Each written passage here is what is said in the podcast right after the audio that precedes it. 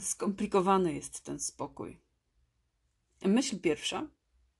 It's complicated. Z tym spokojem to wcale nie jest taka prosta sprawa, powiedziała jedna z moich komentujących post na portalu społecznościowym dziewczyn. A mnie olśniło, że to dopiero, dopiero, dopiero jest paradoks, że, że spokój wydaje nam się prosty, a wcale taki przecież nie jest. No bo w sumie to jest jeden z największych zjawisk, jedno z największych zjawisk, które mogłyby mieć etykietę. To zależy. Myśl druga. Cykl życia wpływa na to, jak my rozumiemy spokój. No i właściwie odważnie stawiam e, tutaj w tym swoim podcaście tezę, że, że spokój zależy od momentu życia, w jakim właściwie jesteśmy. No może nawet większość z Was się ze mną z tym zgodzi, ale zainspirowała mnie do tego jeszcze inna dziewczyna, która na moje pytanie, e, z czym kojarzy Ci się spokój, odpisała, że spokój jest wtedy, kiedy dzieci śpią. No ja pomyślałam, okej, okay, rozumiem to, ale z drugiej strony jest mi to zupełnie obce. I właściwie to był ten moment aha, w którym pomyślałam, o spokoju nie da się mówić jednolicie i jednoznacznie. To jak o tym spokoju zatem mówić, skoro się już zdecydowałam o nim gadać? Pomyślałam sobie, że dzisiejszy odcinek poświęcę do, do temu, tak naprawdę, e, co dotyczy w ogóle rozumieniu archetypowej podróży życia i na bazie tego zastanowimy się, czy być może tutaj leży odpowiedź, że w zależności od tego, w jakim momencie swojego życia jesteśmy, takie właśnie będziemy mieli potrzeby, źródła i rozumienia spokoju, i one będą po prostu swoiste. Przede wszystkim należy zerknąć na coś takiego jak archetypową podróż, archetypowy cykl życia, no, o którym pisał chociażby Carl Gustav Jung. I on ujmował tę podróż e, w taki bardzo trafny e, sposób, bo mówił o niej jako, jako o rzece życia, która co róż może zmienić swój kształt i bieg. I w sumie, jak każdy, ta, ta, źród, ta rzeka ma swoje źródło, i to źródło nadaje jej pewien rytm i rys na całe jej życie takie rzeczne życie.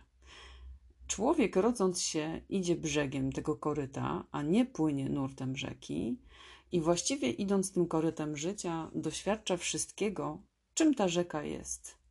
A jest przecież różnorodna. Myślę, że to nic odkrywczego, jeśli powiem Wam, że Jung wskazuje cztery etapy cyklu życia, i pierwszym z nich jest dziecko, drugim młodość, trzecim dorosłość, a czwartym starość. Jakby jest to coś, co potrafimy doskonale jakoś e, nazywać bez fachowej literatury. Natomiast e, to, czym będę chciała dzisiaj Was jakoś zająć, to takie archetypowe spojrzenie na to, czym dany etap w cyklu życia jest i jak należałoby go rozumieć. A zatem, zacznijmy od dziecka. Dziecko to, to jest coś, na co my spoglądamy mm, bardziej tak linearnie, i wydaje nam się, że dostrzegamy w tym okresie szereg naszych doświadczeń, i że są to doświadczenia, które zarówno wywołują uśmiech, jak i smutek, że jest to taki szereg doświadczeń, które są i traumowe, i, i, i wzmacniające. Natomiast y, z archetypowego punktu widzenia etap dziecka w podróży życia no, jest tak naprawdę przeszłością nas wszystkich, całego naszego społeczeństwa, całej naszej społeczności, ludzkości, można by było tak powiedzieć nawet. E, I brzmi to być może abstrakcyjnie, ale warto e, powiedzieć, że na tym etapie właściwie się przecież kształtujemy. No i teraz pytanie, z czego my się kształtujemy? Czy tylko z interakcji e, z naszymi najbliższymi, z, z mamą, z tatą, z, z rodzeństwem, czy, czy z babciami, ciotkami, wujkami? Oczywiście, jako socjolog mogłabym powiedzieć, że no tak, socjalizacja pierwotna powoduje to, e, jacy my potem dalej jesteśmy. No ale zamiłowanie do Junga i do świadomości i nieświadomości zbiorowej jednak każe mi myśleć, że jest trochę inaczej i trochę szerzej. No i właściwie mm, Jung mówi, że to e, dziecko, ten etap dziecka, to też jest swojego rodzaju cień. E, cień tego, jakie tak naprawdę na nas spoczywają oczekiwania, zarówno rodziców, jak i otoczenia, ale też e, jakie o nas, potomkach, w ogóle ma wyobrażenie świat i rodzice, i wszyscy dookoła, jak wyczekują tego dziecka. Jakie nadzieje i lęki w nas pokładają. To też jest coś, co nas konstytuuje w tym momencie, kiedy jeszcze nie kształtujemy ego i dopiero powolutku przychodzimy na świat. No i trzeba też pamiętać, że dziecko jest tak naprawdę na samym początku czyste, a nawet święte, takie boskie. No i jest ucieleśnieniem boskiej harmonii i kontakt z życiem zaczyna je powoli zmieniać. Czyli kieruje się ono z tej swojej takiej bezgranicznej e, świadomości istnienia, a nawet nieświadomości istnienia, e, tak naprawdę zaczyna się y, konstytuować, zaczyna być zupełnie odrębne, zaczyna stawiać granice i zaczyna skierowywać się do ego. A zatem, skoro już chociażby w ten sposób moglibyśmy rozumieć ten etap cyklu życia, no to od razu przychodzi na myśl to, że zupełnie inne źródła spokoju u kogoś na tym etapie będą niż u kogoś na innych etapach. Jakie mogą być to źródła spokoju? No chociażby poczucie bliskości rodziców, mamy, jedzenie, e, które zawsze jest wtedy, kiedy, kiedy dane dziecko potrzebuje, miłość, przytulanie, e, wszystko to, co związane jest właśnie z bliskością, ale też akceptacja, okazywanie jej, cierpliwość, okazywanie jej. Hmm? I to tylko kilka, które przychodzą mi spontanicznie do głowy. Hmm? Kolejnym etapem e, w archetypowym cyklu życia jest etap, który można by było nazwać młodością, ale też w literaturze jest ujmowany jako puer i puella, czyli młodzieniec i dziewczyna. Puer i Puella to jest taki swoisty most pomiędzy światem dziecka a rzeczywistością dorosłego. I jest raczej tym, ten, ten właśnie most, tym, który bardziej lubi latać, wisieć gdzieś w zawieszeniu, ewentualnie spadać. Ja wiem, brzmi to bardzo metaforycznie, no, niż e, funkcjonować tutaj, tu na ziemi, na tym twardym gruncie. I to o tyle jest ciekawe, że właściwie ta młodość, ta archetypowa młodość, ten puer i ta puella, oni są raczej zaniepokojeni tym dorosłym życiem i próbują raczej w to nadchodzące, szare e, brzemię dorosłości wnieść jakiś inny element, jakiś, jakąś świeżość, czasami ogień, buntując się i rujnując status quo. Hmm? Miejsce tyle y, to jest ciekawe w archetypowej y, podróży życia człowieka, bo budzi trochę takie schizofreniczne skojarzenia. No z jednej strony w jednym uchu dźwięczy cały czas głos dziecka, a z drugiej strony już cały czas dobiega głos dorosłego. I jak sobie w ogóle z tym poradzić? No, najważniejszą przecież misją młodości jest o dziwo no, dojrzeć, no a tak archetypowo e, świat przecież pokłada w tej młodości największe oczekiwania, największe nadzieje. Bo z jednej strony mówi się, że młodość wnosi zawsze pewną świeżość w świat, który cały czas funkcjonuje. Z drugiej strony mówi się, że ci młodzi tak naprawdę tego głosu nie mają. Hmm? Ta sinusoidalność cały czas e, przenosi się na jakiś taki wewnętrzny konflikt, no i powstaje taka walka ideałów z rzeczywistością, e, te ideały zaczynają trochę umierać, a inne są gdzieś od nowa pompowane. I tak metaforycznie można by było powiedzieć, że to jest walka młodej cery z trądzikiem, piękna z tym, co gdzieś tam ze środka cały czas wydziera. Jakie tutaj mogłyby być źródła spokoju?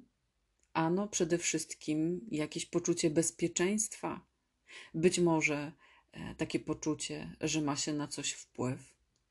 Być może też e, źródłem spokoju tutaj na tym etapie jest zbudowanie swojej wewnętrznej akceptacji, takiej akceptacji bezwarunkowej i miłości do siebie, i tu powinny się pojawiać takie filary. Być może też e, akceptacja otoczenia i dowody na to, że dostaje się cały czas komunikaty, że jesteś dokładnie taki, jaki powinieneś być.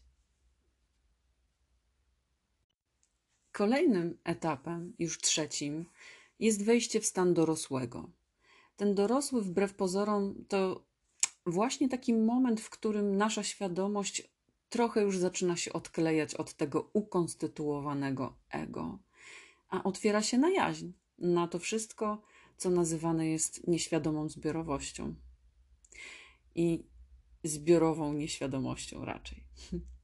Można w sumie to porównać do takiego stanu, w którym dociera do nas to, że Ziemia nie jest w centrum naszego wszechświata.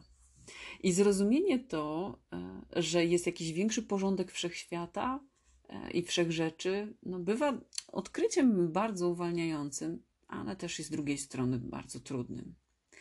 Niemniej, by nie było łatwo, bez tego ego, które cały czas się kształtowało w nas do tej pory, tak naprawdę ludzkość nie mogłaby istnieć, bo ego daje poczucie porządku, daje poczucie tego, że doskonale wiemy, co zaraz się wydarzy i że mamy jakąś umowę społeczną pomiędzy nami wszystkimi.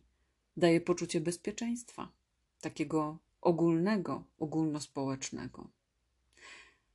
Archetypowo dorosłość łączy się z ojcem i matką, i w związku z tym należy patrzeć na ten etap zarówno właśnie poprzez jakoś umocnienie tego ego, jak również rozmnożenie, dawanie nowego życia, budowanie też nowego porządku, no i też takie dorośnięcie, otworzenie się na sygnały płynące właśnie z tej nieświadomości zbiorowej. Kolejny raz mamy do czynienia z taką ambiwalencją, z konfliktem wewnętrznym, no bo z jednej strony chcemy, żeby było uporządkowanie, żebyśmy mieli do czynienia z porządkiem, strukturami, status quo, które przecież płyną z tej zbiorowej świadomości, ale z drugiej strony zaczynamy silnie przeczuwać, że chaos, wolność, takie zaufanie, trust the process, to wszystko tak naprawdę się wydarza bez naszego wpływu. I to jest elementem tej nieświadomości zbiorowej. No i ten swoisty balans między takim egoizmem, a byciem ojcem i matką karmiącymi, taki balans pomiędzy zamiłowaniem do porządku, a poczuciem, że jednak nie mamy wcale kontroli, wywołuje w nas dość duży dyskomfort. I co wobec tego mogłoby powodować uczucie spokoju u kogoś na tym etapie? No, z jednej strony może to być właśnie zaufanie, z drugiej strony jednak pilnowanie jakichś swoich zasad i reguł. Na pewno źródłem spokoju są wszystkie te rzeczy, które doświadczamy tu i teraz u kogoś, kto jest na tym etapie. Rozumienie, że życie się dzieje w takim kształcie, który jest, który jest w tej chwili najlepszą wersją zdarzeń. Tak naprawdę bardzo trudno poszukać źródeł spokoju na tym etapie, choć tak wielu z nas przecież na tym etapie właśnie jest. Stąd być może tak trudno znaleźć źródła spokoju, właśnie będąc mniej więcej na takim poziomie rozwoju własnego życia. No i na koniec mamy Senex, czyli mówiąc wprost, śmierć, taki przedsionek może śmierci bardziej, tego kresu. No, od dnia naszych narodzin z pewną takiej dozą takiej ułudy, iż ten moment nigdy nie nastąpi, tak sobie wzrastamy, liczymy dni, miesiące i lata, no jednak ma to tylko sens wtedy, kiedy odniesiemy ten wzrost, te nasze wszystkie doświadczenia do tego kresu, do poddania się losowi. E, I ten moment, ten czas e, oglądania pól, które już nie dają plonów, jest takim momentem dokonania ewaluacji, takiego swoistego remanentu, tego wszystkiego, co się w naszym życiu wydarzyło. No i bez tego etapu, bez tej jednak nieuchronnie i niechybnie nadchodzącej w każdego naszego życiu kresu i, i w ogóle, y, mamy tak naprawdę do czynienia z ewaluacją i momentem takiego wstecznego lustra, które pozwala nam przyjrzeć się naszemu życiu. Senex to tak naprawdę archetyp starej kobiety i starego mężczyzny, którzy posiedli głęboką świadomość duszy i ducha i tego, co tak naprawdę niematerialne, czyli jaźni. I to, czego doświadcza się na etapie Senex, to tak naprawdę tego, że to, co zgromadzone, ulegnie rozproszeniu, zarówno w sferze materialnej, jak i w tej niematerialnej. No bo z jednej strony nasze majątki rozparcelują spadkobiercy, a z drugiej strony wszystko to, co zgromadziliśmy jako szereg naszych doświadczeń, jako mądrości, jako odkryć, też rozpierzchnie się w momencie, kiedy oddamy ostatni oddech. Jakie tu wobec tego należałoby znaleźć źródła spokoju? Pogodzenie, akceptacja tego, jak jest, duża koncentracja w byciu na tu i teraz, dużo dzielenia się miłością z bliskimi, przekazywania mądrości dalej, zostawiania po sobie śladu. Być może to dałoby duże poczucie sensu, duże poczucie spokoju. I jeszcze do tego wszystkiego wypadałoby dołożyć coś, co Jung nazywa indywiduacją, czyli takim procesem, który dzieje się przez całe nasze życie i w wyniku którego manifestujemy swoją odrębność, taką wyjątkowość. E, według Junga człowiek przeżywa swoją wrodzoną naturę przez całe swoje życie. E, jest ona dostępna temu człowiekowi tylko wtedy, kiedy robi to po prostu świadomie. A zatem, skoro przechodzimy przez pewne etapy życia, i jest ich przynajmniej cztery, skoro przez te wszystkie cztery etapy życia jeszcze doświadczamy indywiduacji, jeżeli tak naprawdę w naszym życiu dzieją się bardzo różne rzeczy, które są bardzo wyjątkowe i unikalne, i nadajemy jeszcze im bardzo unikalnego znaczenia, to bardzo trudno jest mówić o tym, czym jest spokój uniwersalny. No bo czy w ogóle istnieje taka definicja? Zdecydowałam się nagrywać ten podcast po to, żeby mówić o wszystkich kolorach spokoju. Bo nawet kiedy poprosiłam Was o to, żebyście napisali, z czym Wam kojarzy się spokój, to wielu z Was napisało o bardzo różnych kolorach. Niektórzy o żółtym, niektórzy o niebieskim, niektórzy o zielonym.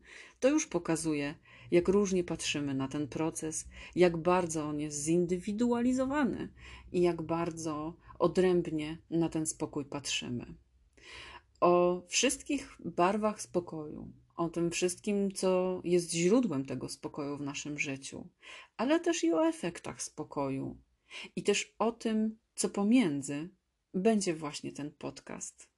Serdecznie Was zapraszam. Małgorzata Leduchowska, Twoja coach ze spokojem.